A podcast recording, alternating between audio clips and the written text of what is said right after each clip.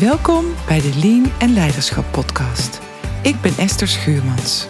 In deze podcast deel ik waardevolle inzichten en interview ik inspirerende leiders over hun ervaringen met het creëren van een continue verbetercultuur.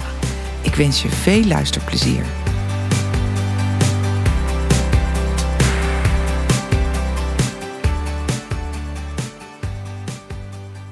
Deze aflevering geef ik antwoord op de vraag: wat is lean denken en werken nu eigenlijk? En wat levert het op? Lean denken en werken. Is dit gewoon een kwestie van doen? Zoals met zoveel dingen is ook lean implementeren vooral een kwestie van in actie komen en blijven leren en verbeteren. Er is wel een belangrijke voorwaarde om lean succesvol te implementeren. En dat is de betrokkenheid van het management. Het management is nodig voor support, het beschikbaar stellen van middelen en het hoog houden van de energie. Kortom, voor het faciliteren en coachen van het team. Als aan deze voorwaarden wordt voldaan, kan je aan de slag.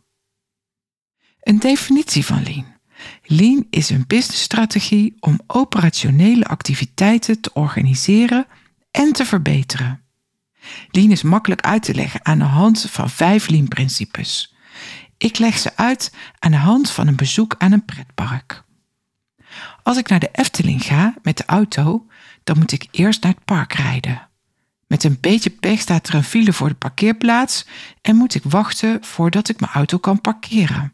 Nadat ik mijn auto heb geparkeerd, moet ik in de rij staan om een kaartje te kopen en vervolgens opnieuw in de rij om een kaartje te laten controleren. Eenmaal binnen moet ik naar de attractie lopen en vervolgens wachten in de rij voor de attractie.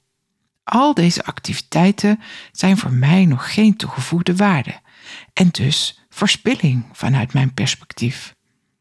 Pas als ik in de attractie ga, ervaar ik de toegevoegde waarde waarvoor ik kom. Vervolgens moet ik weer lopen en wachten en pas als ik weer in een attractie mag, dan ervaar ik weer toegevoegde waarde. Dat is waar het om gaat. Zoveel mogelijk waarde voor de klant creëren. De waarde voor de klant definiëren is het eerste Lean-principe. Dit is nodig om te kunnen bepalen welke activiteiten de klant als waarde en welke als verspilling ervaart. Het tweede Lean-principe is de waardestroom in kaart brengen en zoveel mogelijk verspilling elimineren. De waardestroom zijn alle stappen die nodig zijn om een product of dienst te leveren. Dat wil zeggen, zowel de toegevoegde waarde als de niet toegevoegde waarde. In het voorbeeld ervaar ik het wachten in de rij voor het kopen van een kaartje als verspilling. Ik zou echter ook al een kaartje op het internet kunnen kopen. Hiermee heb ik op de dag zelf een stuk verspilling geëlimineerd. Het lopen naar de attractie was voor mij ook een verspilling. Echter, door sprookjesfiguren rond te laten lopen, wordt de verspilling omgedraaid in toegevoegde waarde. Een gesprekje of foto met roodkapje, assenpoester of pardoes, wie wil dat nou niet? Een attractie onderweg zorgt dat verspilling veranderd wordt naar waarde. Het derde Lean-principe is flow. Dit betekent dat we zoveel mogelijk toegevoegde waarde achter elkaar laten plaatsvinden. In het voorbeeld van het pretparkbezoek kan een fastpass ervoor zorgen dat ik niet meer hoef te wachten voor een attractie. Hiermee wordt flow gecreëerd. Het vierde Lean-principe is pool. Dat wil zeggen dat we precies op tijd kunnen leveren in het tempo van de vraag van de klant. En het laatste Lean-principe is streven naar perfectie. Dit betekent continu verbeteren.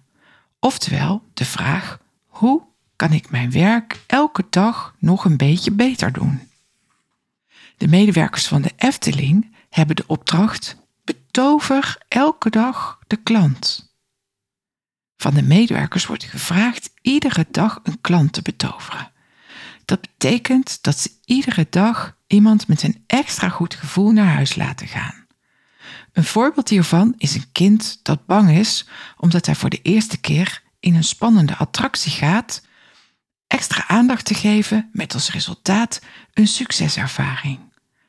Een ander voorbeeld is de zorg voor het verwisselen van een lekke band bij een garage in de buurt voor een gestreste vader van een gezin zonder reservewiel en waarvan vader dus meer met de terugweg bezig was dan met een gezellig dagje met zijn gezin.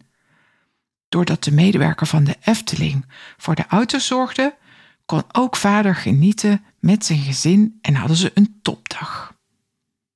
Het is mijn overtuiging dat dit in iedere organisatie toegepast kan worden. Het gaat om de intentie om het verschil te maken voor de klant. De klant kan overigens ook een collega, oftewel een interne klant zijn. Dit zijn in het kort de vijf Lean-principes.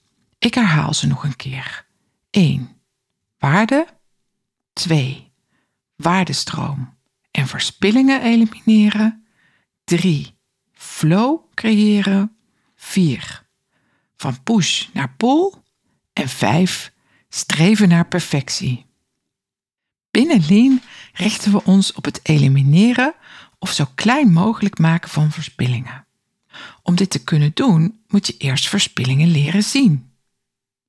In een proces zitten altijd vormen van verspilling. We onderscheiden noodzakelijke en niet noodzakelijke verspillingen. Alle niet noodzakelijke verspillingen elimineren we en alle noodzakelijke verspillingen maken we zo klein mogelijk. Bijvoorbeeld, bij het bouwen van een huis moeten er tekeningen gemaakt worden om het huis naar de wens van de klant te kunnen bouwen. De tekening zelf biedt geen toegevoegde waarde voor de klant. Het fysieke huis dat gebouwd wordt levert de toegevoegde waarde. We hebben de tekeningen wel nodig om het huis te bouwen. Daarbij geldt wel liever één tekening dan tien tekeningen. Dit is een voorbeeld van een noodzakelijke verspilling. We maken deze activiteit zo klein mogelijk. Hoe herken je of iets een verspilling is of toegevoegde waarde? Dat doe je door de vraag te stellen: wil de klant ervoor betalen? Of nog scherper, wil de klant meer betalen als hij er meer van krijgt? Als het antwoord ja is, dan is het toegevoegde waarde. Is het antwoord nee, dan is het een vorm van verspilling. We kunnen de verspillingen onderverdelen in acht categorieën. 1. Transport. De categorie transport gaat over het verplaatsen van producten. In een productieomgeving zijn dit de fysieke producten die verplaatst worden. In de zorg is het de patiënt die onnodig veel afstanden af moet leggen. En in een administratieve omgeving is het een dossier dat verplaatst wordt. Het verplaatsen van producten levert geen toegevoegde waarde voor de klant. We willen deze activiteit zo klein mogelijk maken. Transport zal wel altijd nodig zijn. Dit is een noodzakelijke verspilling. 2. Voorraad. Voorraad is de hoeveelheid producten, van grondstoffen tot eindproduct, in een proces. Ook de hoeveelheid werk die in een administratief proces aanwezig is, zien we als voorraad. In voorraad zit geld. Hoe hoger de voorraad, hoe meer geld er in het proces vastzit. 3. Beweging. Beweging gaat over de afstand die een medewerker in een proces moet afleggen. 4. Wachten. Wachten betekent alle momenten van wachten in een proces, bijvoorbeeld op informatie, op producten, op collega's, op goedkeuring, op het opstarten van apparatuur. 5. Overproductie. Overproductie betekent meer produceren of leveren dan op dat moment nodig is. 6. Onnodige bewerking. In geval van een onnodige bewerking wordt te veel gedaan bijvoorbeeld een dubbele activiteit of het leveren van overkwaliteit. 7. Defecten.